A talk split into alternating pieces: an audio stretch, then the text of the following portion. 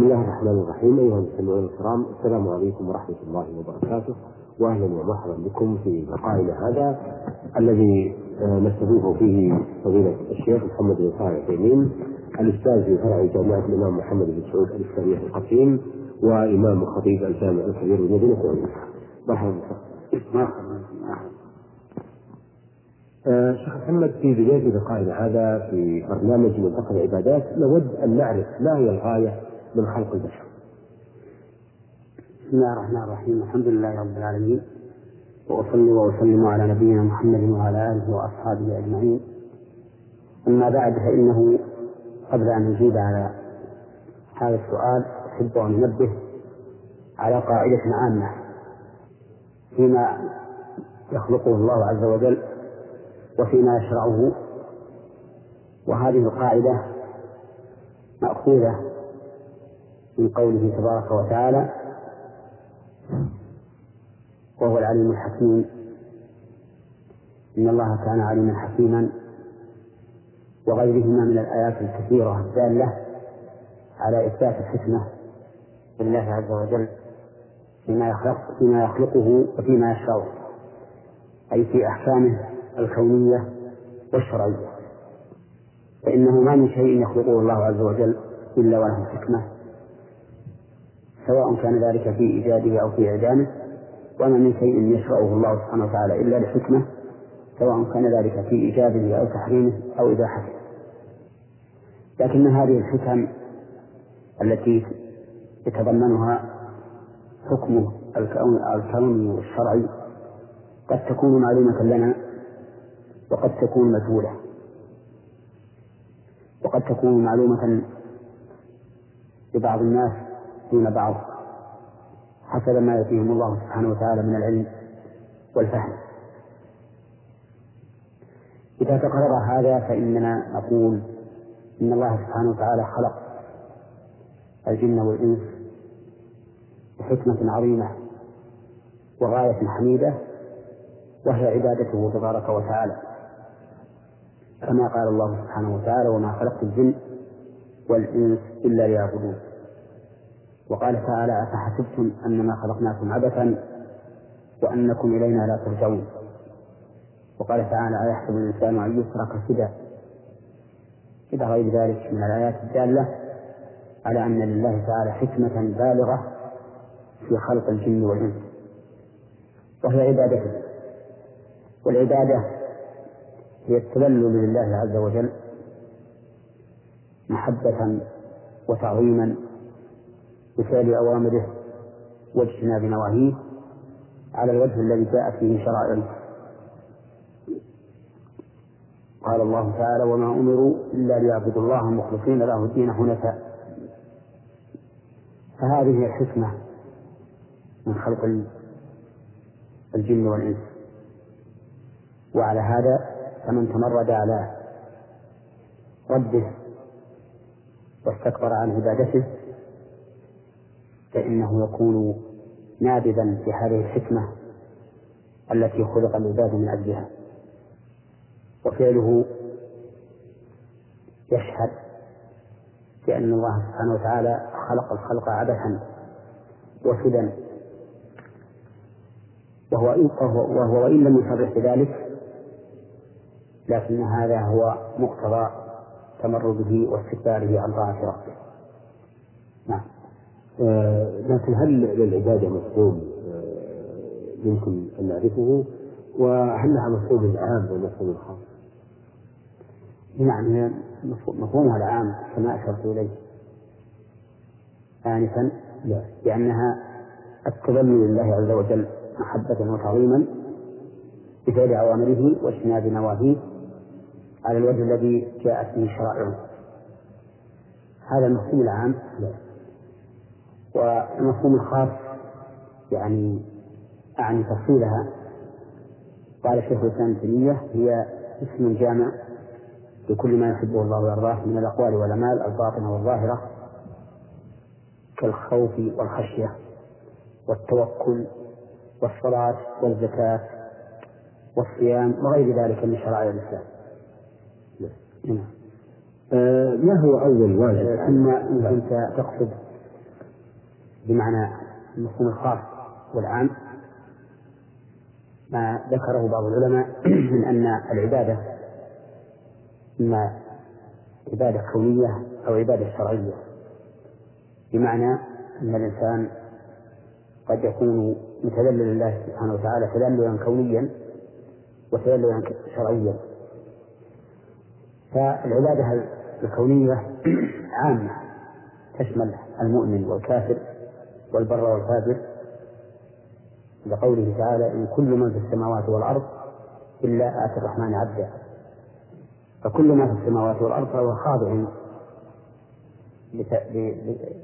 خاضع لله سبحانه وتعالى كونا لا لا يمكن أبدا أن يضاد الله أو يعارضه فيما أراد سبحانه وتعالى في الإرادة الكونية.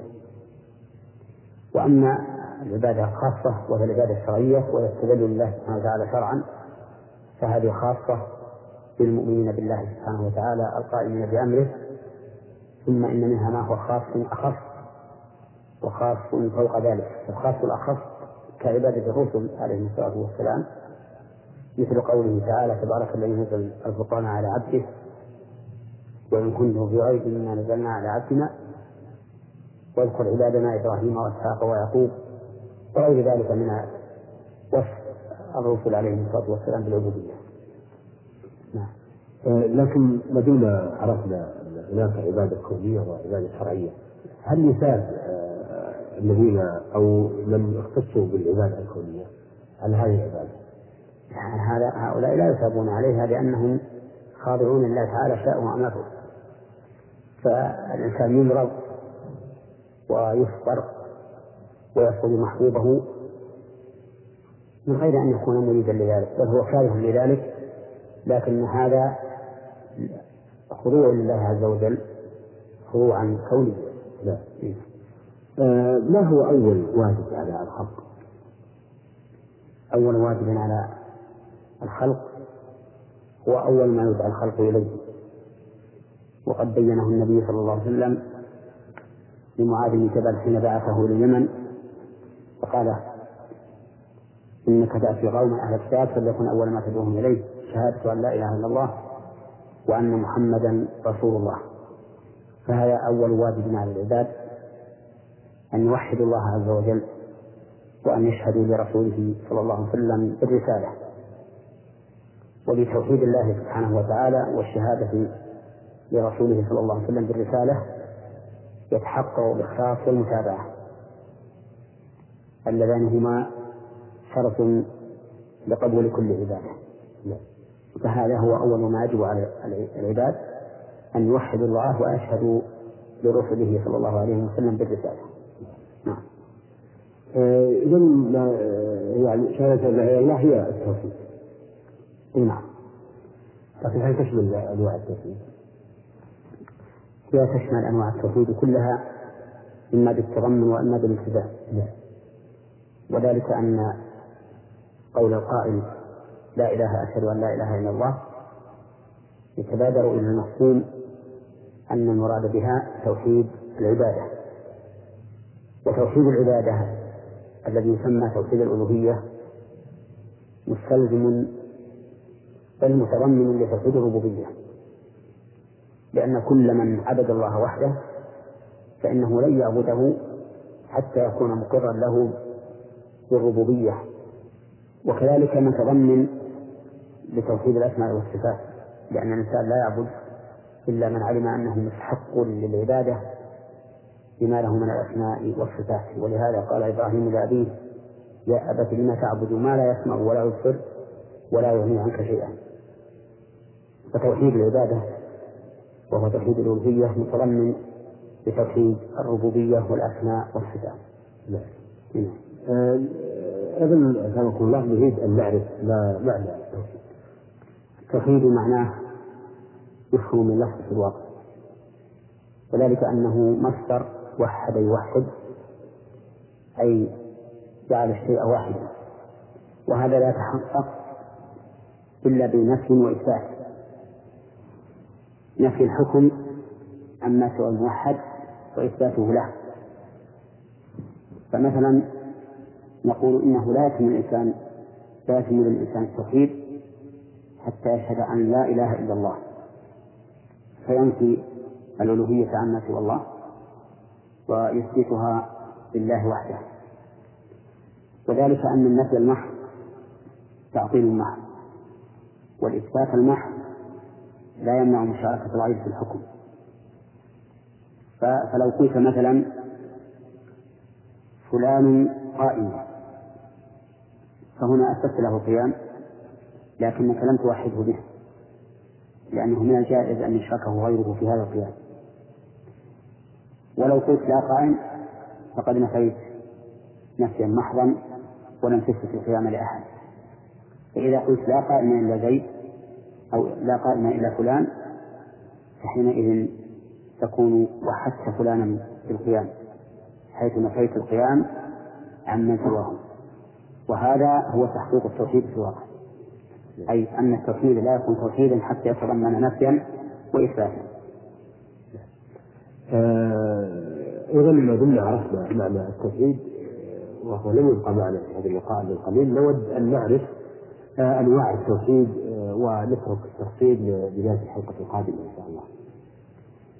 أنواع التوحيد حسب ما ذكره أهل العلم ثلاثة توحيد الربوبية وتوحيد الألوهية وتوحيد الأسماء والصفات وعلم ذلك بالتتبع والاستقراء والنظر في الآيات والأحاديث فوجدوا أن التوحيد لا يخرج عن هذه الأنواع الثلاثة فنوعوا التوحيد إلى ثلاثة أنواع. أسابقكم الله.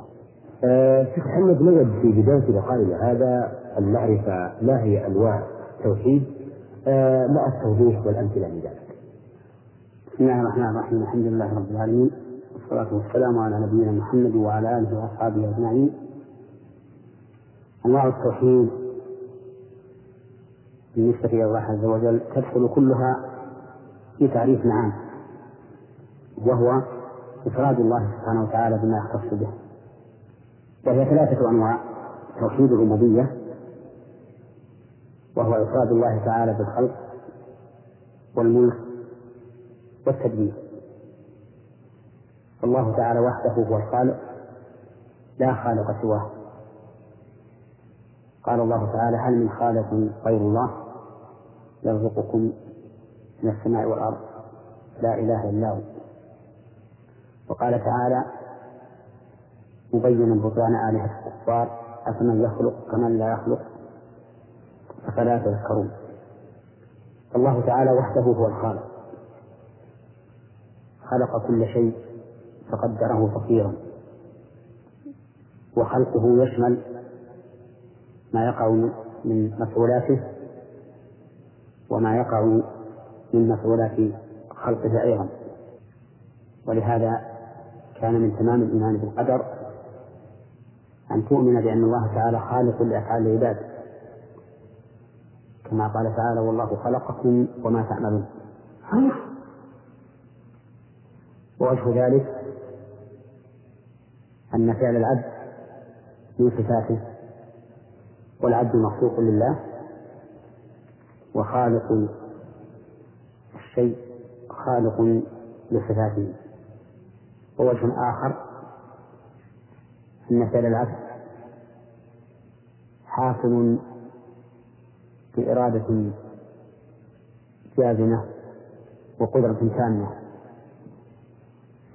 والإرادة والقدرة كلتاهما مخلوقان لله عز وجل.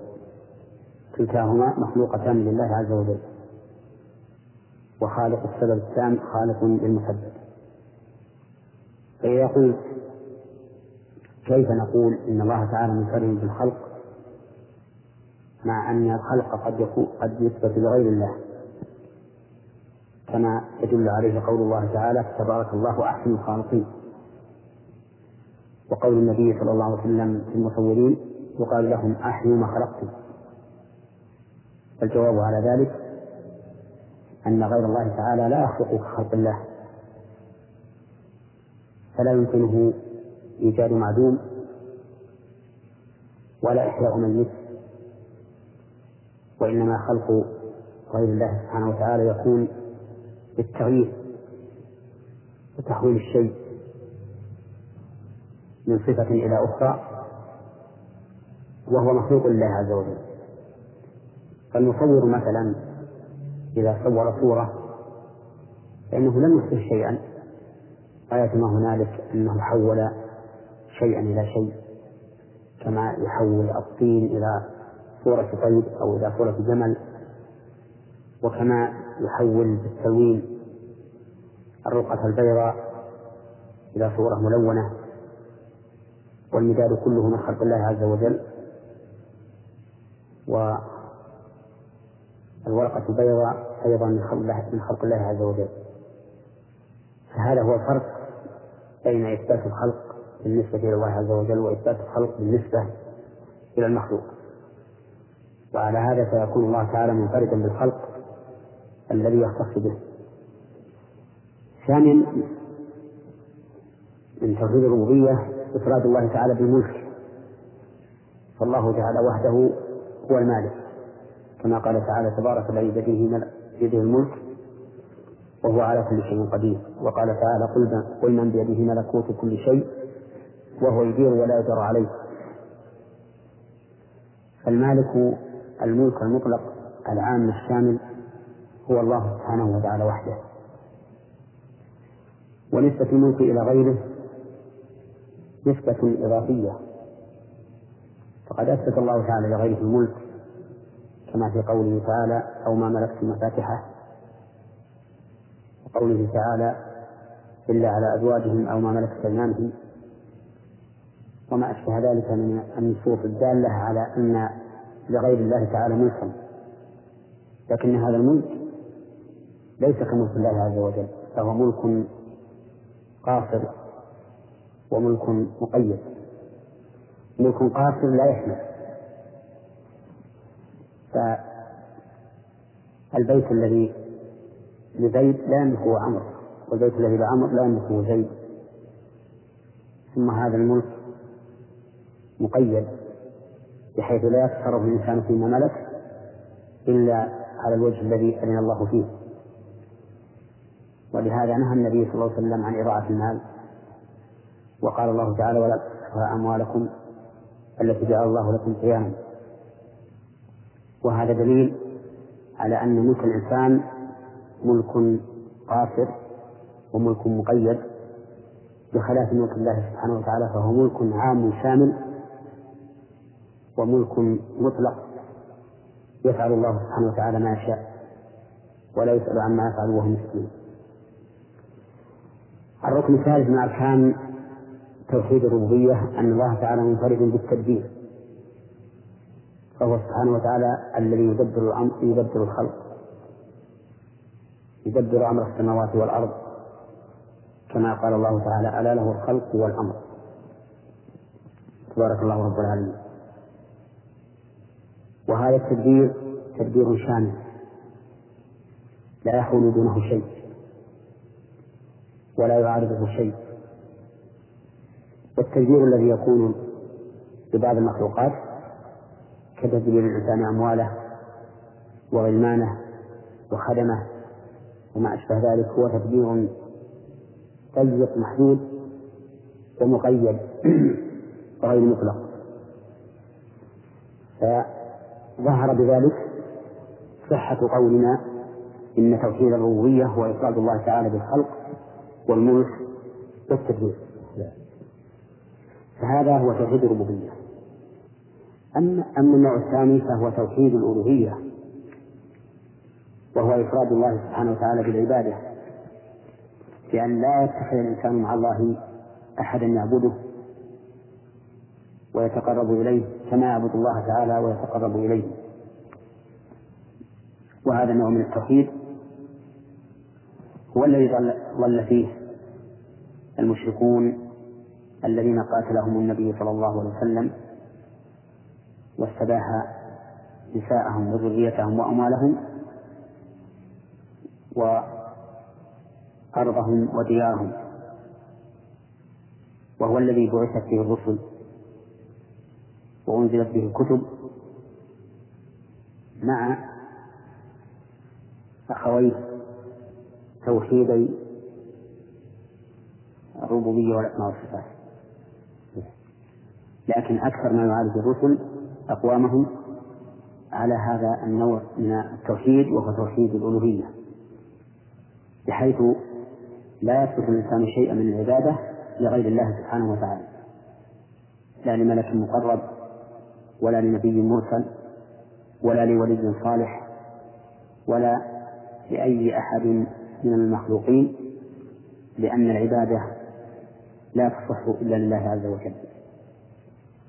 ومن أخل بهذا التوحيد فهو مشرك كافر وإن أقر بتوحيد الربوبية وبتوحيد الأسماء والصفات.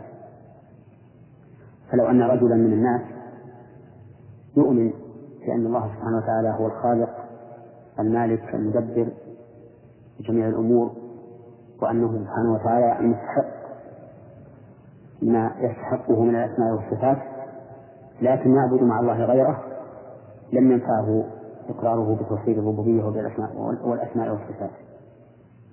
لو فرض أن رجلا يقر إقرارا كاملا بتوحيد الربوبية والأسماء والصفات لكن يذهب إلى القبر فيعبد صاحبه أو ينظر له قربانا يتقرب به إليه. فإن هذا مشرك كافر خالد في النار في النار. قال الله تعالى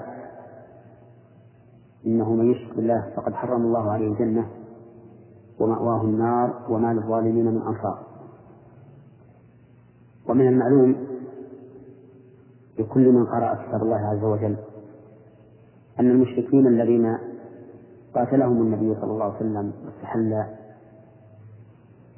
دماءهم وأموالهم وسبى ذريتهم ونساءهم وغنم أرضهم كانوا مقرين بأن الله تعالى وحده هو الرب الخالق. لا يشكون في ذلك. ولكن لما كانوا يعبدون معه غيره صاروا بذلك مشركين مباحي الدم والمال أما النوع الثالث من توحيد من أنواع التوحيد فهو توحيد الأسماء والصفات.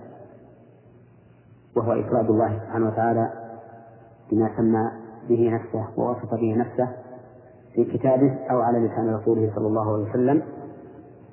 وذلك بإثبات ما أثبته الله سبحانه وتعالى لنفسه من غير تحريف ولا تعطيل ومن غير تكييف ولا تمثيل فلا بد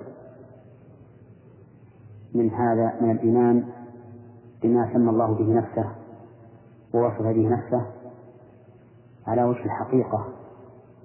لا المجاز ولكن من غير تكييف ولا تمثيل وهذا النوع من أنواع التوحيد ظل فيه طوائف من هذه الأمة من أهل القبلة الذين ينتسبون إلى الإسلام على أوجه شتى. منهم من غلا في النفي والتنزيه غلوا يخرج به من الإسلام ومنهم متوسط ومنهم قريب من أهل السنة. ولكن طريق السلف في هذا النوع من التوحيد هو أن يسمى الله عز وجل ويوصف بما سمى ووصف به نفسه على وجه الحقيقة.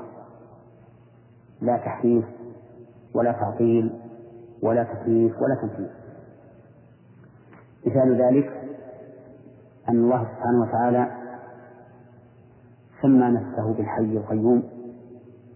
فيجب علينا أن نؤمن بأنه الحي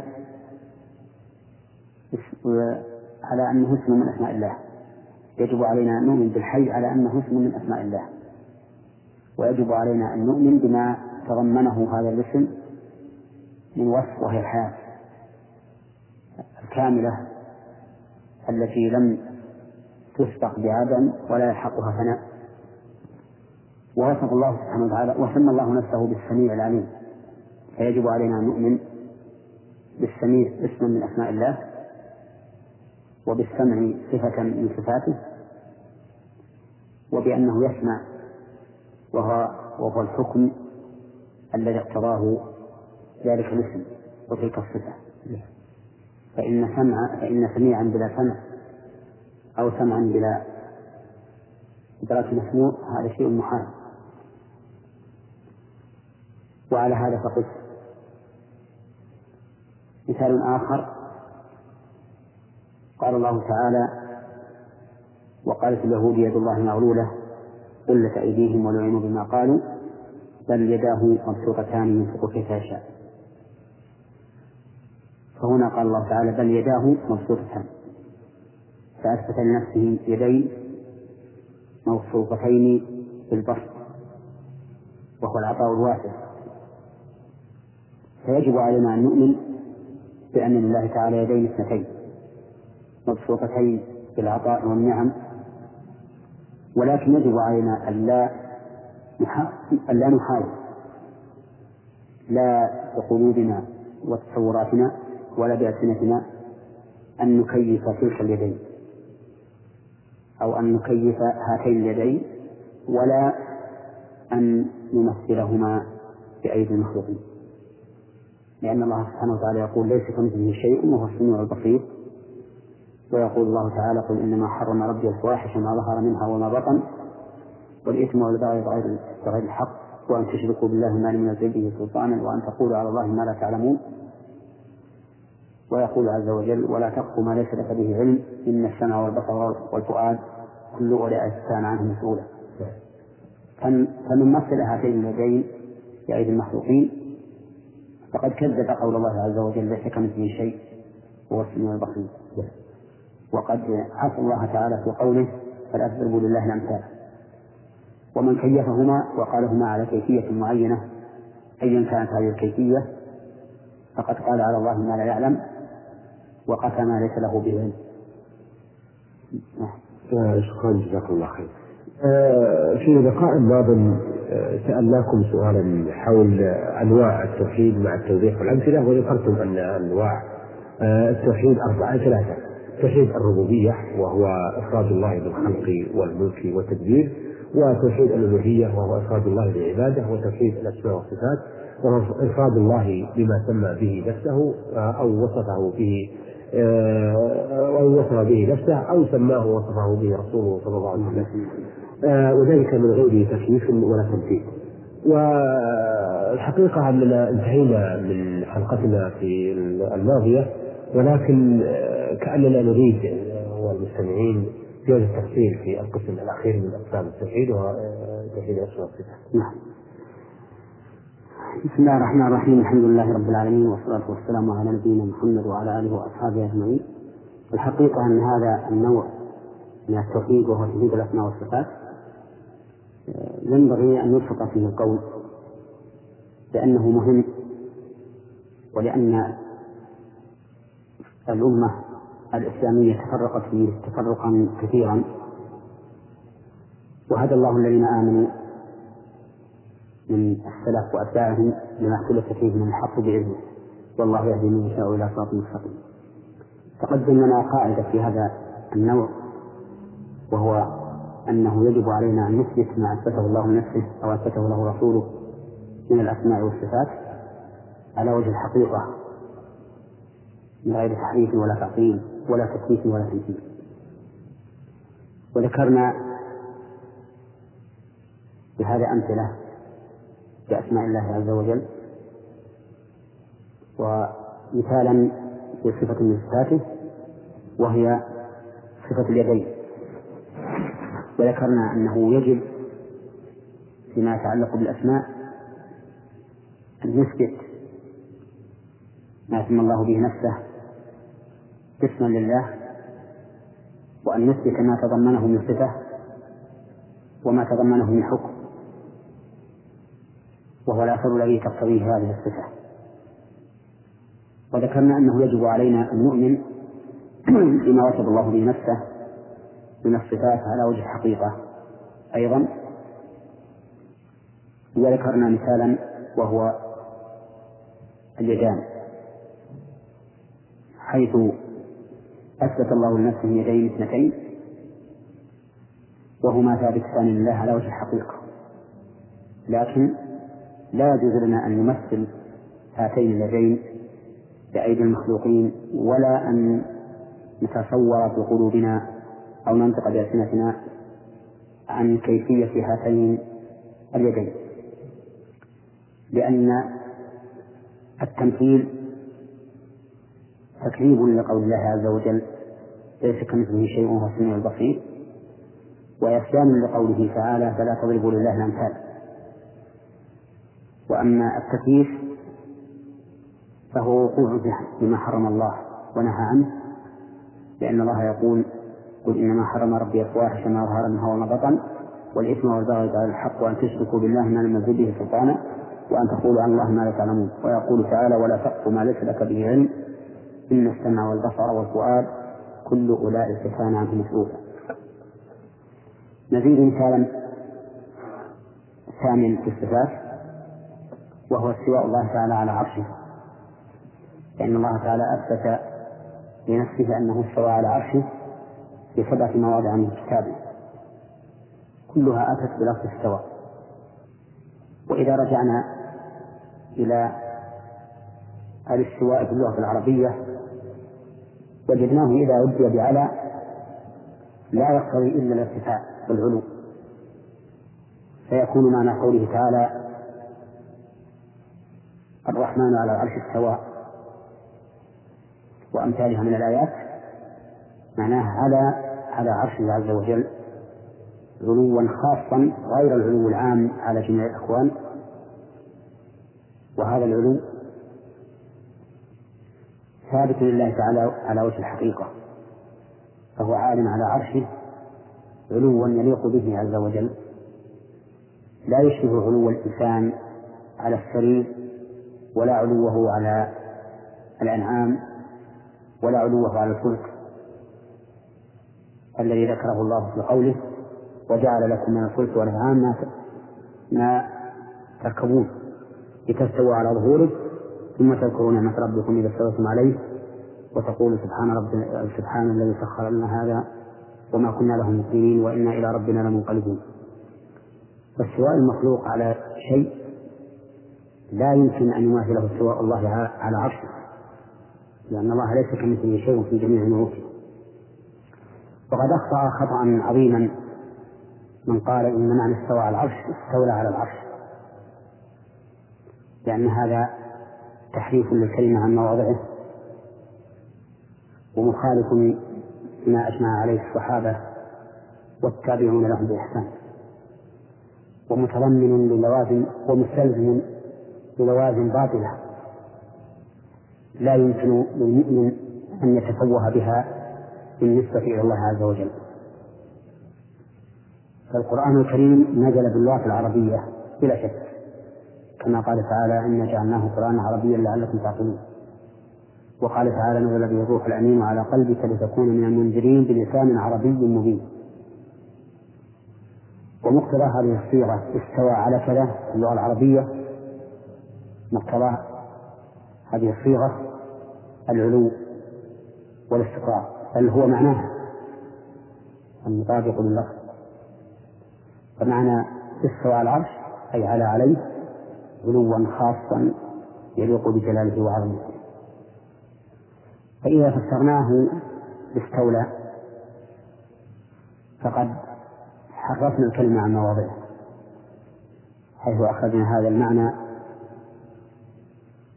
الذي تدل عليه اللغة لغة القرآن وهو العلو إلى معنى الاستيلاء. ثم إن السلف والتابعين لهم بإحسان مجمعون على هذا المعنى إذ لم يأتي عنهم حرف واحد بتفسيره في تفسيره بخلاف ذلك.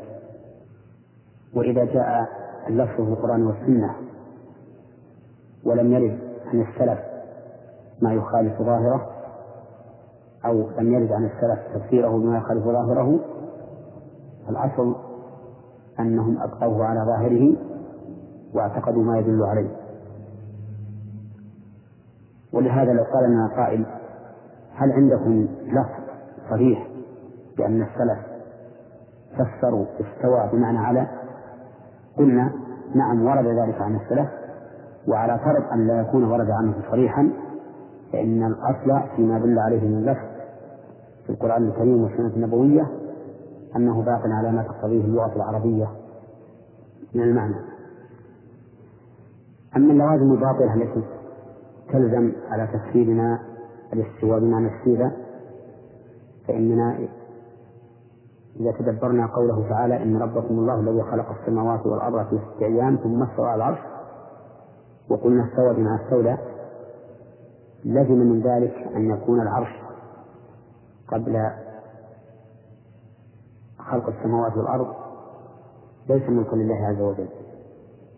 لأنه يعني قال خلق ثم استوى وإذا قلت أي, أي ثم استولى لزم من ذلك أن يكون العرش ليس مخلوق ليس ملكا لله سبحانه وتعالى قبل خلق السماوات والأرض ولا حين خلق السماوات والأرض. وأيضا يلزم منه أن يصح التعبير بقولنا إن الله استوى على الأرض واستوى على أي شيء من مخلوقاته نقدره أو نقوله وهذا لا شك أنه معنى باطل لا يليق بالله عز وجل. فتبين بهذا أن تفسير الاستواء بالاستيلاء فيه محذوران أحدهما تحريف الكلم عن مواضعه والثاني أن يتصف الله عز وجل بما لا يليق به. نعم. آه طيب أثابكم الله عرفنا الآن أنواع التوحيد وهي توحيد الربوبية والألوهية وتوحيد الأسماء والصفات. آه كما عرفنا أشياء من الواجب آه نحو كل نحو هذه الأنواع. لكن أيضا نريد أن آه، نخصص الواجب على نحو كل نوع منها على حدة. نعم كيف؟ يعني أريد أن نعرف ما هو الواجب علينا وعلى الناس نحو هذه واجب علينا أن نعتقد ما يتضمنه كل نوع. وأن نوحد الله عز وجل بما يقتضيه هذا هذا النوع لا. من المعاني. لا. نعم. طيب ما حكم صرف شيء من أنواع العبادة لغير الله سبحانه هذه ربما يفهم الجواب مما سبق آنفا أن قلنا أن توحيد العبادة إفراد الله سبحانه وتعالى بالعبادة بأن لا يتعبد أحد لغير الله تعالى بشيء من أنواع العبادة. لا. ومن المعلوم أن الذبح لغير الله ومن المعلوم أن الذبح قربة يتقرب به الإنسان إلى ربه لأن الله تعالى أمر به في قوله فصل لربك وانحر وكل قربة فهي عبادة. فإذا ذبح الإنسان شيئا لغير الله تعظيما له وتذللا وتقربا إليه كما يتقرب بذلك ويعظم ربه عز وجل كان مشركا بالله سبحانه وتعالى. وإذا كان مشركا فإن الله تعالى قد بين أن المشرك حرم الله عليه الجنة وأن مأواه النار. وبناء على ذلك نقول إنما يفعله بعض الناس من في القبور قبور الذين يزعمونهم أولياء شرك مخرجنا من الملة ونصيحتنا لهؤلاء. أن يتوبوا إلى الله عز وجل مما صنعوا. وإذا تابوا إلى الله وجعلوا الذبح لله وحده كما يجعلون الصلاة لله وحده والصيام لله وحده فإنهم فإنهم يغفر لهم ما سبق. كما قال الله تعالى قل للذين كفروا إن ينتهوا يغفر لهم ما قد سلف. بل إن الله سبحانه وتعالى يعطيهم فوق ذلك فيبدل الله سيئاتهم حسنات كما قال الله تعالى والذين لا يدعون مع الله إلها آخر ولا يقتلون النفس التي حرم الله إلا بالحق ولا يزنون ومن يفعل ذلك يلقى أثاما يضاعف له العذاب يوم القيامة ويأخذ فيه مهانة إلا من تاب وآمن وعمل عملا صالحا فأولئك يبدل الله سيئاتهم حسنات وكان الله غفورا رحيما. فنصيحتي لهؤلاء الذين يتقربون إلى أصحاب القبور بالذبح لهم أن يتوبوا إلى الله تعالى من ذلك وأن يرجعوا إليه وأن يبشروا إذا تابوا بالتوبة من الكريم المنان فإن الله سبحانه وتعالى يفرح بتوبة التائبين. نعم. أثابكم الله. أيوه آه، فضيلة الشيخ محمد عرفنا في حلقات ماضية آه، عن آه، الغاية من خلق البشر كما عرفنا مفهوم العبادة وعرفنا أيضا التوحيد وأقسامه الثلاثة وحكم صرف شيء من أنواع العبادة لغير الله لكن يبقى معنا شيء مهم جدا وهو معنى الشهادتين. شهادة أن لا إله إلا الله وأن محمدا رسول الله. بسم الله الرحمن الرحيم. الحمد لله رب العالمين وأصلي وأسلم على نبينا محمد خاتم النبيين وإمام المتقين وعلى آله وأصحابه أجمعين. الشهادتان شهادة أن لا إله إلا الله وأن محمدا رسول الله هما مفتاح الإسلام. ولا يمكن الولوج إلى الإسلام إلا بهما. ولهذا أمر النبي صلى الله عليه وسلم معاذ بن جبل حين بعثه إلى اليمن أن يكون أول ما يدعوهم إليه. شهادة أن لا إله إلا الله وأن محمدا رسول الله. فأما الكلمة الأولى وهي شهادة أن لا إله إلا الله فأن يعترف الإنسان بلسانه وقلبه بأنه لا معبود إلا الله عز وجل. لأن إله بمعنى مألوه والتأله التعبد. والمعنى أنه لا معبود إلا الله تعالى وحده. وهذه الجملة تشتمل على نفي وإثبات. أما النفي ففي قوله لا إله وأما الإثبات ففي قوله إلا الله. والله بدل من الخبر المحذوف خبر لا لأن التقدير لا إله حق إلا الله. فهو إقرار باللسان بعد أن آمن به القلب بأنه لا معبود حق إلا الله عز وجل. وهذا يتضمن إخلاص العبادة لله وحده ونفي العبادة عما سواه. وبتقديرنا الخبر بهذه الكلمة حق يتبين الجواب عن الإشكال الذي يريده كثير من الناس. وهو كيف تقولون لا إله إلا الله مع أن هناك آلهة تعبد من دون الله؟ سماها الله آلهة وسماها عابدوها آلهة.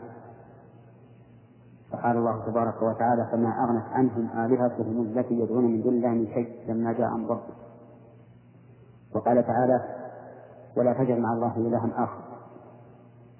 وقال تعالى ولا ولا تدع مع الله إلها آخر.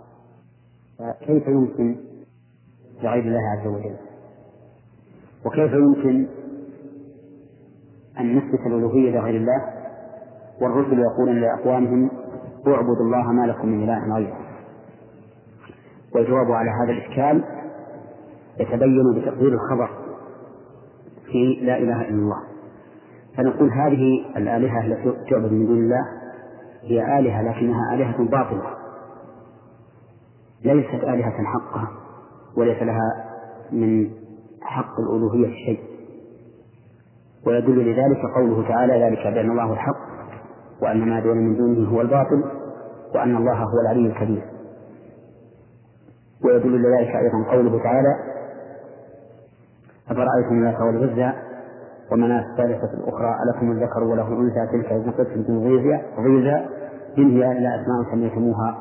أنتم وآباؤكم ما أنزل الله بها من سلطان وقوله تعالى عن يوسف عليه الصلاة والسلام ما تعبدون من دونه إلا أسماء سميتموها أنتم وآباؤكم ما أنزل الله بها من سلطان. إذا فمعنى لا إله إلا الله أي لا معبود حق إلا الله عز وجل. فأما المعبودات سواه من الرسل أو الملائكة أو الأولياء أو الأحجار. أو الأشجار أو الشمس أو القمر أو غير ذلك فإن ألوهيتها التي يزعمها عابدوها ليست حقيقة. أي ألوهية باطلة بل ألوهية الحق هي ألوهية الله عز وجل. نعم. آه هذا معنى شهادة أن لا إله إلا الله. يريد أيضا شهادة أن محمد رسول الله. وأما معنى شهادة شهادة أن محمد رسول الله فهو الإقرار باللسان والإيمان بالقلب لأن محمد بن عبد الله القرشي الهاشمي رسول الله عز وجل إلى جميع الخلق من الجن والإنس. كما قال الله تعالى قل يا أيها الناس إني رسول الله إليكم جميعا الذي له ملك السماوات والأرض لا إله إلا هو يحيي ويميت فآمنوا بالله ورسوله النبي الأمي الذي يؤمن بالله وكلماته واتبعوه لعلكم تهتدون. وقال تعالى تبارك الذي نزل الفرقان على عبده ليكون للعالمين نذيرا. ومقتضى هذه الشهادة أن تصدق رسول الله صلى الله عليه وسلم فيما أخبر وأن تمتثل أمره فيما أمر وأن تجتنب ما عنه نهى وزجر وأن لا تعبد الله إلا بما شرع. ومقتضى هذه الشهادة أيضا أن لا تعتقد أن لرسول الله صلى الله عليه وسلم حقا من الربوبية وتصريف الكون أو حقا في العبادة بل هو صلى الله عليه وسلم عبد لا يعبد ورسول لا يكذب ولا يملك لنفسه ولا لغيره شيئا من النفع والضر إلا ما شاء الله. كما قال الله تعالى قل لا أقول لكم إني خزائن الله ولا أعلم الغيب ولا أقول لكم إني ملك إن أتبع إلا ما يوحى إلي. فهو عبد مأمور اتبع ما أمر به. وقال الله تعالى قل إني لا أملك لكم قل إني لا أملك لكم ضرا ولا رشدا قل إني لن يجيرني من الله أحد ولن أجد من دونه ملتحدا وقال الله تعالى قل لا أملك لنفسي نفعا ولا ضرا إلا ما شاء الله. ولو كنت أعلم الغيب لاستكثرت من الخير وما مسني السوء إن أنا إلا نذير وبشير لقوم يؤمنون. فهذا هذا معنى شهادة أن لا إله إلا الله وأن محمدا رسول الله. وبهذا المعنى نعلم أنه لا يستحق العبادة لا رسول الله صلى الله عليه وسلم ولا من دونه من المخلوقين وأن العبادة ليست إلا لله تعالى وحده وأن رسول الله صلى الله عليه وسلم حقه أن ينزله المنزلة التي أنزله الله تعالى وهو أنه عبد الله ورسوله. نعم لكن ما الفرق بين الاعتراف باللسان والقلب؟ وهل يلزم الجمع بينهما؟ نعم. الفرق بين الاعتراف بالقلب واللسان ظاهر فإن من الناس من يعترف باللسان دون قلبه كالمنافقين فالمنافقون يقول الله عنهم إذا جاءك المنافقون قالوا نشهد إنك لرسول الله. لكن قال الله تعالى والله يعلم إنك لرسوله والله يشهد إن المنافقين لكاذبون هؤلاء اعترفوا بألسنتهم دون قلوب. وقد يعترف الإنسان بقلبه لكن لا ينطق به وهذا الاعتراف لا ينفعه بالنسبة لنا ظاهرا. أما فيما بينه وبين الله فالعلم عند الله أو حكمه إلى الله لكنه في الدنيا لا ينفعه ولا يختم بإسلامه ما دام لم ينطق بلسانه. اللهم إلا أن يكون عاجزا عن ذلك عجزا حسيا أو حكميا فقد يعامل بما يقتضيه أو بما تقتضيه حاله فلا بد من الاعتراف بالقلب واللسان نعم. آه هو الذي إلى هذا السؤال أن هناك طريق آه من الناس الآن إذا دعي إلى العبادة قال إن الله رب قلوب الذي نريد أيضا التعليق عليه. نعم نحن نقول إن الله تعالى رب القلوب واللسان. نعم. والأنف وليس رب القلوب فقط. والقلوب لا صلحت لصلحت الجوارح لأن النبي صلى الله عليه وسلم يقول ألا وإن في الجسد مضغة إذا صلحت صلح الجسد كله وإذا فسدت فسد الجسد كله. ألا وهي القلب. وهذا حديث يبطل كل دعوى يدعيها بعض الناس إذا نصحته في أمر من الأمور مما عصى الله به. قال لك التقوى ها هنا. وهي كلمة حق. أريد بها باطل والكلمة قد تكون حقا في مدلولها العام لكن يريد بها القائل أو المتكلم معنى باطل ألا ترى إلى قول الله تعالى سيقول الذين أشركوا لو شاء الله ما أشركنا ولا آباؤنا ولا حرمنا من شيء. فهم قالوا لو شاء الله ما أشركنا. وصدقوا فيما قالوا. فلو شاء الله ما أشركوا. ولكنهم لا يريدون بهذه الكلمة حقا بل يريدون بها تبرير بقائهم على على شركهم ورفع العقوبة عنهم. ولهذا قال الله تعالى كذلك كذب الذين من قبلهم حتى ذاقوا بأسنا. فلم ينفعهم الاحتجاج بالقدر حين أرادوا به الاستمرار على شركهم ورفع اللوم عنهم والعقوبة. أما الواقع فإنه كما قالوا لو شاء الله ما أشرك. كما قال الله تعالى لنبيه اتبع ما أوحي إليك من ربك لا إله إلا هو وأعرض عن المشركين ولو شاء الله ما أشرك. لكن هناك فرق بين الحالين. الله قال لنبيه ولو شاء الله ما أشركوا ليبين أن شركهم واقع بمشيئته وأن له الحكمة سبحانه وتعالى في وقوع الشرك منهم وليصلي نبيه صلى الله عليه وسلم لأن هذا الأمر الواقع منهم بمشيئته تبارك وتعالى. فالمهم أن هذا الذي قال فيما نصحته التقوى ها هنا قال كلمة حق لكنه أراد بها باطلا. الذي قال التقوى ها هنا هو النبي صلى الله عليه وسلم. لكن الذي قال التقوى ها هنا هو الذي قال ألا وإن في الجسد مضغة إذا صلحت صلح الجسد كله. فإذا كان في القلب تقوى لزم أن يكون في الجوارح تقوى. والعمل الظاهر عنوان على العمل الباطن.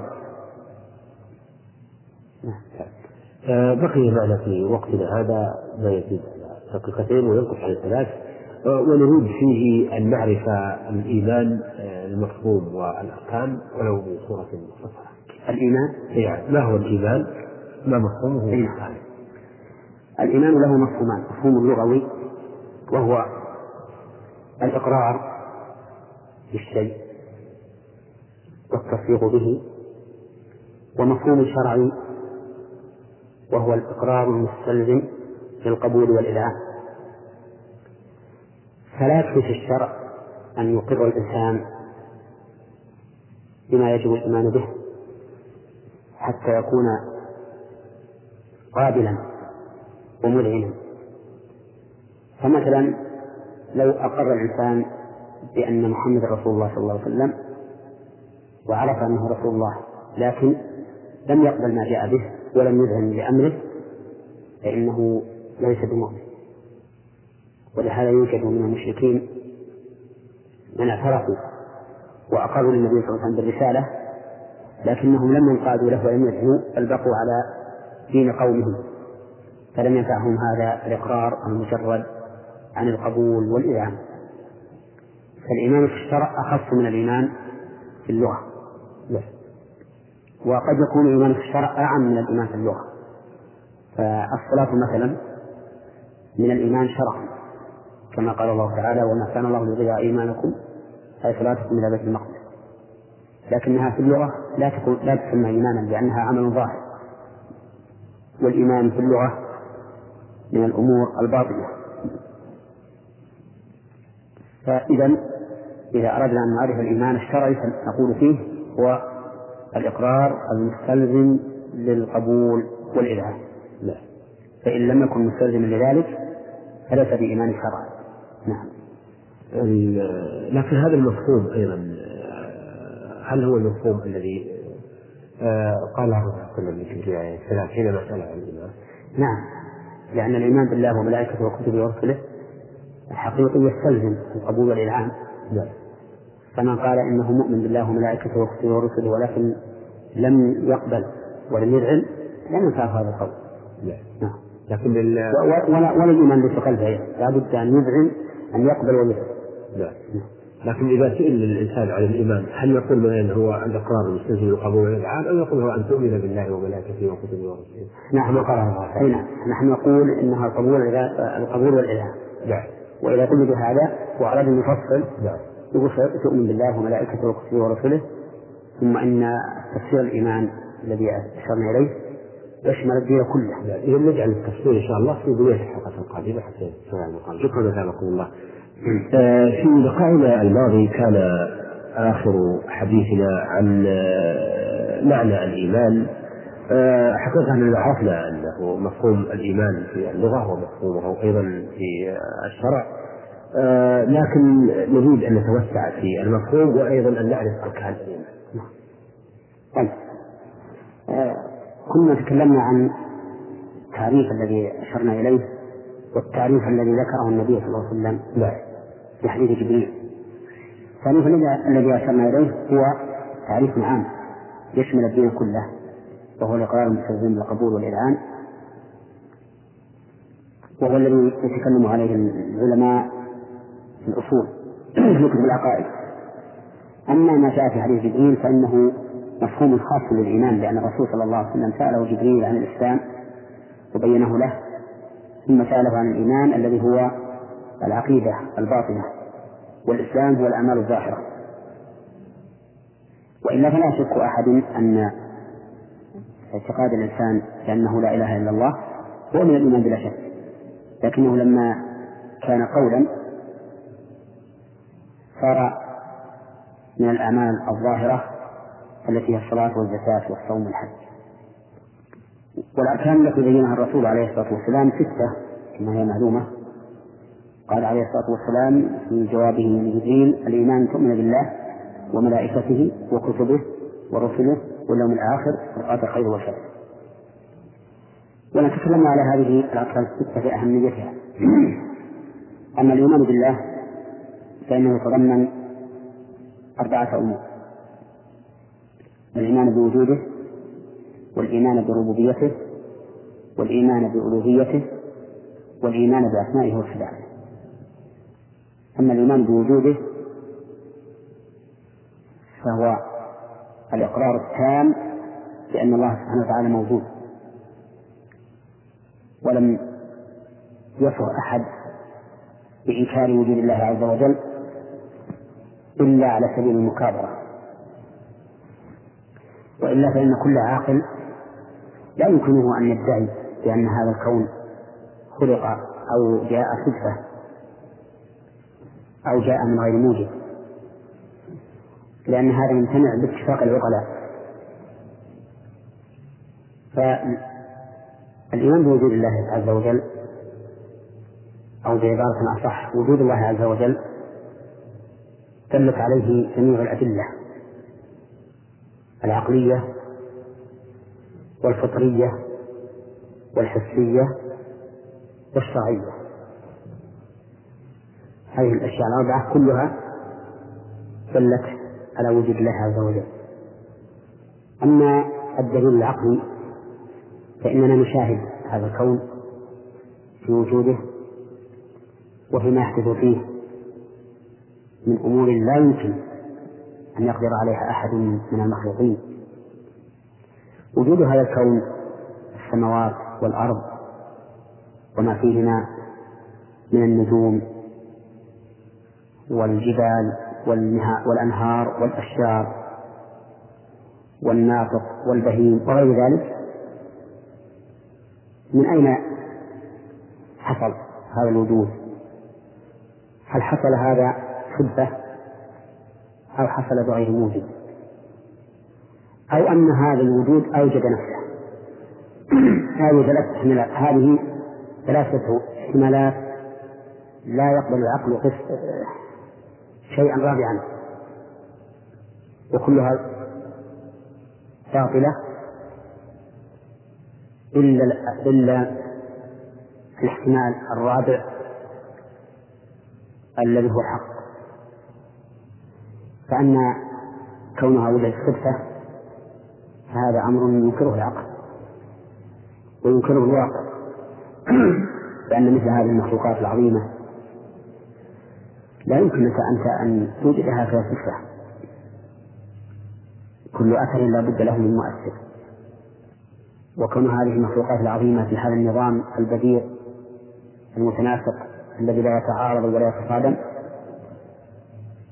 لا يمكن أن يكون صدفة. لأن الغالب فيما وقع صدفة أن تكون تغيراته غير منتظمة لأنه كله صدفة. وأما كون هذا الوجود أوجد نفسه فظاهر الاستحالة أيضا. لأن هذا الوجود قبل أن يوجد ليس بشيء بل هو عدم. والعدم لا يمكن أن يوجد معدوما. وأما كونه وجد من غير موجد فهو بمعنى قولنا إنه وجد صدفة. وهذا كما سبق مستحيل. بقي أن نقول إنه وجد بموجد وهو الله عز وجل. كما قال الله تعالى أم خلقوا من غير شيء؟ أم هم الخالقون؟ أم خلقوا السماوات والأرض بل لا يقولون إذا فهذا الكون دل عقلا على وجود الله عز وجل. وأما دلالة الفطرة على وجود الله فأظهر من تحتاج إلى دليل لأن الإنسان بفطرته يؤمن بربه. قال النبي عليه الصلاة والسلام كل مولود يولد على الفطرة فأبواه يهودانه أو ينصرانه أو يمجسانه ولهذا لو وقع على أي إنسان في الدنيا لو وقع عليه شيء بغتة لكان وهذا الشيء مهلك له لكان يقول بلسانه من غير أن يشعر يا الله أو يا رب أو ما أشبه ذلك. مما يدل على أن الغريزة فطرية جبلت على الإيمان بوجود الله عز وجل. وأما دلالة الحس على وجود الله فما أكثر ما نسمع من إجابة الله تعالى للدعاء ومن إجابة الدعاء للإنسان نفسه. كم من إنسان دعا الله وقال يا ربي؟ فرأى الإجابة نصب عينه ففي القرآن أمثلة كثيرة من هذا مثل قوله تعالى وأيوب إذ نادى ربه أن مسني الضر وأنت أرحم الراحمين فاستجبنا له وكشفنا ما به من ضر. وفي السنة أمثلة كثيرة أيضا ومنها حديث أنس بن مالك رضي الله عنه قال دخل رجل يوم الجمعة والنبي صلى الله عليه وسلم يخطب فقال يا رسول الله هلكت الأموال وانقطعت السبل فادعو الله يغيثنا. فرفع النبي صلى الله عليه وسلم يديه وقال اللهم أغثنا اللهم أغثنا اللهم أغثنا وكانت السماء صحوا ليس فيها شيء من السحاب فما نزل النبي صلى الله عليه وسلم من منبره إلا والمطر يتحاذر من لحيته عليه الصلاة والسلام. وبقي النهار وبقي المطر أسبوعا كاملا. حتى دخل رجل من الجمعة الثانية فقال يا رسول الله تهدم البناء وغرق المال فادعو الله يمسكها عنا. فرفع النبي صلى الله عليه وسلم يديه وجعل يقول اللهم حوالينا ولا علينا ويشير بيده كما يشير إلى ناحية إلا انفرجت بإذن الله. فخرج الناس يمشون الشمس. وكم من دعاء دعا به الإنسان ربه فوجد الإجابة. وهذا دليل حسي على وجود الله عز وجل. لا. أما الدليل الشرعي فأكثر من أن يحفظ كل القرآن وكل ما ثبت عن النبي عليه الصلاة والسلام من الأحاديث الحكمية والخبرية فإنه دال على وجود الله عز وجل. كما قال الله تعالى في القرآن العظيم ولو كان من عند غير الله لوجدوا فيه اختلافا كثيرا. هذا أحد ما يتضمنه الإيمان بالله وهو الإيمان بوجوده أما الإيمان بربوبيته وألوهيته وأسمائه وصفاته فقد سبق القول المفصل فيها حين تكلمنا على أنواع التوحيد الثلاثة. لا نعم. لكن آه، الآن نجد مثلا آه، الدهريين آه، وهم كثر الآن وعقلاء لأنهم يفكرون وينتجون لكنهم يجمعون على عدم وجود الله عز وجل نعم. كيف يرد على مثل هؤلاء؟ نعم نرد على مثل هؤلاء أن أن أولا أنا أعلق على قولك أنهم عقلاء لا فإن أردت بالعقل عقل الإدراك فنعم هم عقلاء يدركون ويفهمون وإن أردت بذلك عقل الرشد فليسوا بعقلاء ولهذا وصف الله الكفار بأنهم صم بكم عمي فهم لا يعقلون. لكنهم عقلاء عقل إدراك تقوم به الحجة عليهم. وهم إذا قالوا ذلك فإنما يقولون هذا مكابرة في الواقع. وإلا فهم يعلمون أن الباب المنصوب لا يمكن أن أن يصنع نفسه ولا يمكن أن ينفذ نفسه. يعرفون أن هذا الباب لا بد له من نجار أو حداد أقامة ولا بد له من بناء ركلة. بل يعلمون أن الطعام الذي يأكلونه والماء الذي يشربونه لا بد له من مستخرج ولا بد له من زارع. وهم يعلمون أيضا أنه ليس بإمكان أي أحد من الناس أن يكون هذا الزرع أن ينبت هذا الحبة حتى تكون زرعا له ساق وثمر. هم يعلمون ذلك. ويعلمون أن هذا ليس مما يقدر عليه البشر. ولكنهم مكابرون. نعم. والمكابر لا فائدة من محاجته ولا يمكن أن أن يقبل أبدا مهما كان. لو تقول له هذه الشمس وهي أمامه ما قبل فمثل هؤلاء تكون المجالدة, المجالدة معهم مضيعة وقت. ويكون دعوتهم كما قال بعض أهل العلم تكون دعوتهم بالمجالدة لا بالمجادلة. نعم, نعم. آه إذا آه، بقي معنا أن نحدد أركان الإيمان طيب أن تؤمن بالله قال النبي عليه الصلاة والسلام وملائكته. الملائكة هم عالم الغيب خلقهم الله عز وجل من نور وجعلهم طوع أمره. يسبحون الليل والنهار لا يفترون. لا يعصون الله ما أمرهم ويفعلون ما يؤمرون. وهم على أصناف متعددة في أعمالهم ووظائفهم ومراتبهم. فجبريل عليه الصلاة والسلام موكل بالوحي ينزل بوحي الله تعالى على رسل الله كما قال الله تعالى نزل به الروح الأمين على قلبك لتكون من المنذرين. بلسان عربي مبين. وقال تعالى قل نزله روح القدس من ربك بالحق. وقد رآه النبي صلى الله عليه وسلم على صورته التي خلق عليها مرتين. رآه مرة على صورته له ستمائة جناح قد سد الأفق. وميكائيل أحد الملائكة العظام الذين وكلهم الله سبحانه وتعالى ونعم. وقد وكله الله عز وجل بالقطر والنبات. القطر المطر والنبات نبات الأرض من المطر. وإسرافيل من الملائكة العظام وقد وكله الله عز وجل بالنفخ في الصور. وهو أيضا أحد حملة العرش العظيم. وهؤلاء الثلاثة كان النبي صلى الله عليه وسلم يذكرهم في استفتاح صلاة الليل. يقول صلى الله عليه وسلم في استفتاح صلاة الليل اللهم رب جبرائيل وميكائيل وإسرافيل فاطر السماوات والأرض عالم الغيب والشهادة أنت تحكم بين عبادك فيما كانوا به يختلفون اهدني لما اختلف فيه من الحق بإذنك إنك تهدي من تشاء إلى صراط مستقيم. وذكر هؤلاء الثلاثة لأن كل واحد منهم موكل بما يتضمن الحياة والبعث من النوم يعتبر حياة له فهؤلاء الثلاثة هم أفضل الرسل فيما نعلم أفضل الملائكة فيما نعلم ومنهم ملك الموت الموكل بقبض أرواح الأحياء. نعم. ومنهم ملكان موكلان بالإنسان يحفظان أعماله عن اليمين وعن الشمال قعيد ومنهم ملائكة موكلون بتتبع حلق الذكر ومن أراد المزيد من ذلك فليراجع ما كتبه أهل العلم في هذا. نعم. شكرا لك الله.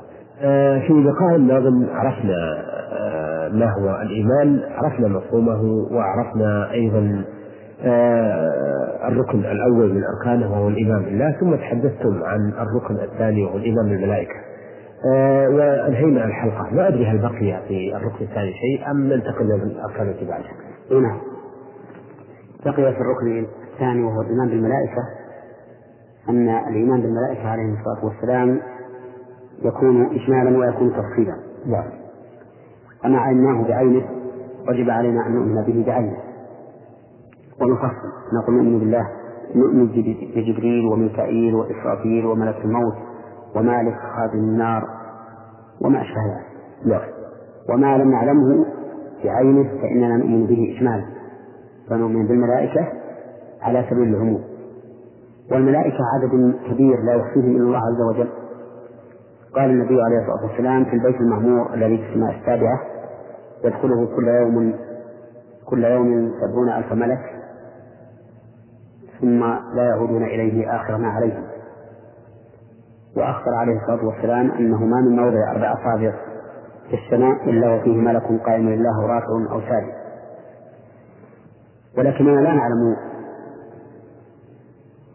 أعيانهم ووظائفهم وأعمالهم إلا ما جاء به الشر فما جاء به الشر على وجه التفصيل من أحوالهم وأعمالهم ووظائفهم وجب علينا أن نؤمن به على سبيل التفصيل وما لم يأتي على سبيل التفصيل فإننا نؤمن به إجمالا. وهؤلاء الملائكة الذين لهم من القدرة والقوة ما ليس للبشر من آيات الله عز وجل. فيكون في الإيمان بهم إيمان بالله سبحانه وتعالى وبقدرته العظيمة. وعلينا أن نحب هؤلاء الملائكة لأنهم مؤمنون ولأنهم قائمون بأمر الله عز وجل. ومن كان عدوا لأحد منهم فإنه كافر. كما قال الله تعالى من كان عدوا لله وملائكته ورسله وجبريل وميكال فإن الله عدو للكافرين. وقال تعالى قل من كان عدوا لجبريل فإنه نزله على قلبك مصدقا لما بين يديه. فالمهم أن هؤلاء الملائكة عليهم الصلاة والسلام علينا أن نحبهم لأنهم عباد لله تعالى قائمون بأمره وأن لا نعادي أحدا منهم. طيب بقي الركن الثالث آه، الركن الثالث هو الإيمان بكتب الله عز وجل. كتب الله التي أنزلها على رسله عليهم الصلاة والسلام. فإن ظاهر القرآن يدل على أنه ما من رسول إلا وأنزل الله معه كتابا. كما قال تعالى لقد أرسلنا رسلنا بالبينات وأنزلنا معهم الكتاب والميزان ليقوم الناس بالقسط. وقال تعالى كان الناس أمة واحدة فبعث الله النبيين مبشرين ومنذرين وأنزل معهم الكتاب بالحق ليحكم بين الناس ما اختلفوا فيه. هذه الكتب طريق الإيمان بها أن نؤمن بها أن نؤمن بها إجمالا.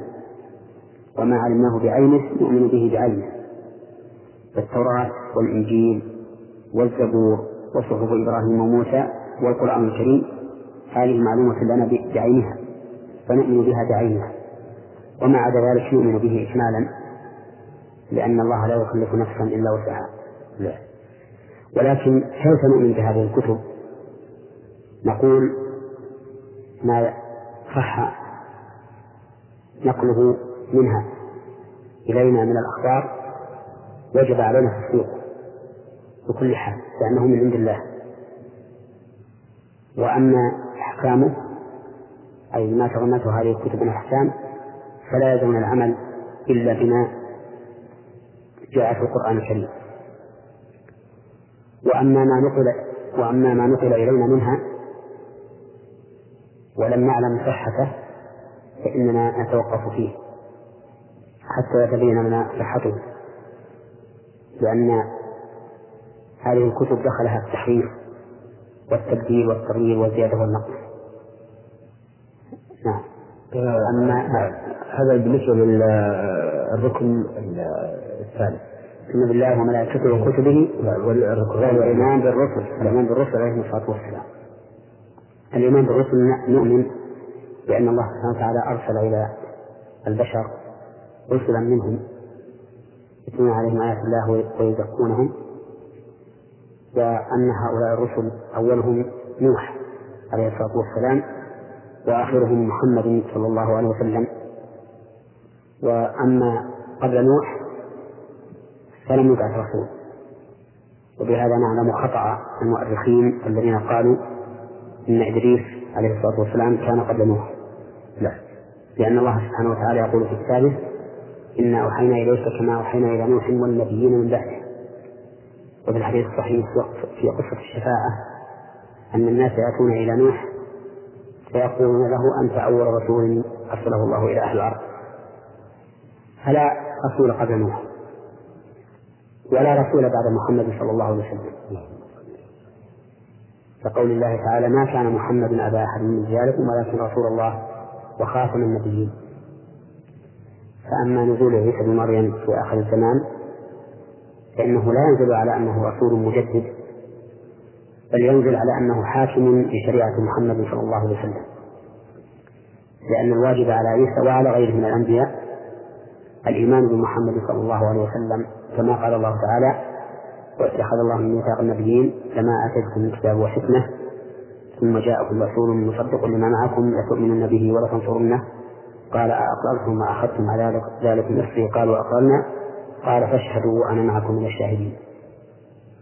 وهذا الرسول المصدق لما معهم هو محمد صلى الله عليه وسلم كما صح ذلك عن ابن عباس وغيره. فالمهم أن نؤمن بالرسل على هذا الوجه بأن أولهم نوح وآخرهم محمد صلى الله عليه وسلم. وكيفية الإيمان بهم؟ أن ما جاء من أخبارهم وصح عنهم نؤمن به ونصدق لأنه من عند الله عز وجل. وأما الأحكام فلا يلزم اتباع شيء منها إلا ما جاء به محمد صلى الله عليه وسلم وما اقتضت شريعته.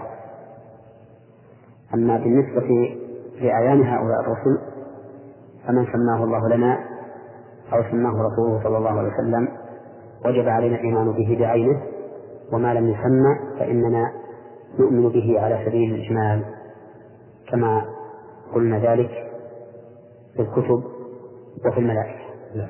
نعم. كيف يكون الإيمان بالركن الخامس وهو اليوم الآخر؟ نعم. الإيمان باليوم الآخر يعني الإيمان بقيام الساعة وسمي يوما آخر لأنه ليس بعده يوم. فإن الإنسان كان عدما ثم وجد في بطن أمه ثم وجد في الدنيا ثم ينتقل إلى البرزخ ثم يوم القيامة. لا. فهذه أحوال خمس للإنسان. هل أتى على الإنسان حين من الدهر لم يكن شيئا مذكورا؟ هذه الحالة الأولى أنه ليس شيئا مذكورا.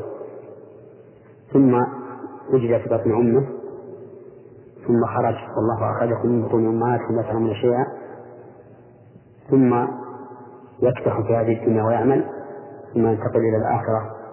في برزخ بين الدنيا وقيام الساعة. فالإيمان باليوم الآخر يدخل فيه كما قال شيخ الإسلام ابن تيمية في العقيدة الواسطية الإيمان بكل ما أخبر به النبي صلى الله عليه وسلم مما يكون بعد الموت. فيؤمن الإنسان بفتنة القبر ونعيم القبر وعذابه ويؤمن بقيام الساعة بالنفخ في الصور بالحساب بالميزان بالحوض المورود بغير بكل ما جاء عن النبي صلى الله عليه وسلم إما في كتاب الله أو في سنة الرسول عليه الصلاة والسلام مما يكون بعد الموت. ويحسن أن نتكلم عن فتنة القبر. لا. وهي أن الميت إذا دفن أتاه ملكان فيسألانه عن ربه ودينه ونبيه. فأما المؤمن فيثبته الله تعالى بالقول الثابت فيقول ربي الله ودين الإسلام ونبي محمد. وأما غير المؤمن فإنه يقول ها ها لا أدري. سمعت الناس يقولون شيئا فقلت. ثم بعد هذه الفتنة إما نعيم وإما عذاب إلى يوم القيامة. فمن كان من من غير المسلمين فهو في عذاب إلى يوم القيامة. ومن كان من عصاة المؤمنين فإنه قد يعذب في قبره لمدة يعلمها الله عز وجل ثم يرفع عنه العذاب. وهذا العذاب أو النعيم يكون في الأصل على الروح ولكن قد يتعلم البدن به. كما أن العذاب في الدنيا يكون على البدن وقد تتعلم النفس فيه. ففي الدنيا مثلا الضرب يقع على البدن والألم يقع على البدن. والنفس قد تتأثر بذلك فتحزن وتغتم. أما في القبر فالأمر بالعكس. العذاب أو النعيم يكون على الروح. لكن البدن لا شك أنه يحصل له شيء من هذا العذاب أو النعيم. إما بالفرح في النعيم وإما بالألم بالحزن في بالعذاب. أما إذا قامت الساعة وهي القيامة الكبرى فإن الناس يقومون من قبورهم لرب العالمين حفاة عراة غرلا. حفاة ليس عليهم ما يقي أقدامهم من نعال أو خفاف أو غيرها. عراة ليس على أبدانهم ما يكفوها غرلا أي غير محصونين فتعود الجلدة التي قطعت في الختان في الدنيا ليخرج الإنسان من قدره تاما لا نقص فيه. كما قال الله تعالى كما بدأنا أول خلق نعيده ثم يكون حساب على ما جاء في كتاب الله وسنة رسوله صلى الله عليه وسلم. ثم النهاية إما إلى جنة وإما إلى نار. فمن دخل الجنة فهو مخلد فيها أبد الآبدين ومن دخل النار فإن كان من العصاة فإنه يخرج منها. بعد أن يعذب بما يستحق إن لم تنله شفاعة الله عز وجل إن لم تنله الشفاعة أو رحمة الله عز وجل لا. ولكنه لا يخلد فيها وأما الكافر فإنه يخلد فيها أبد الآبدين.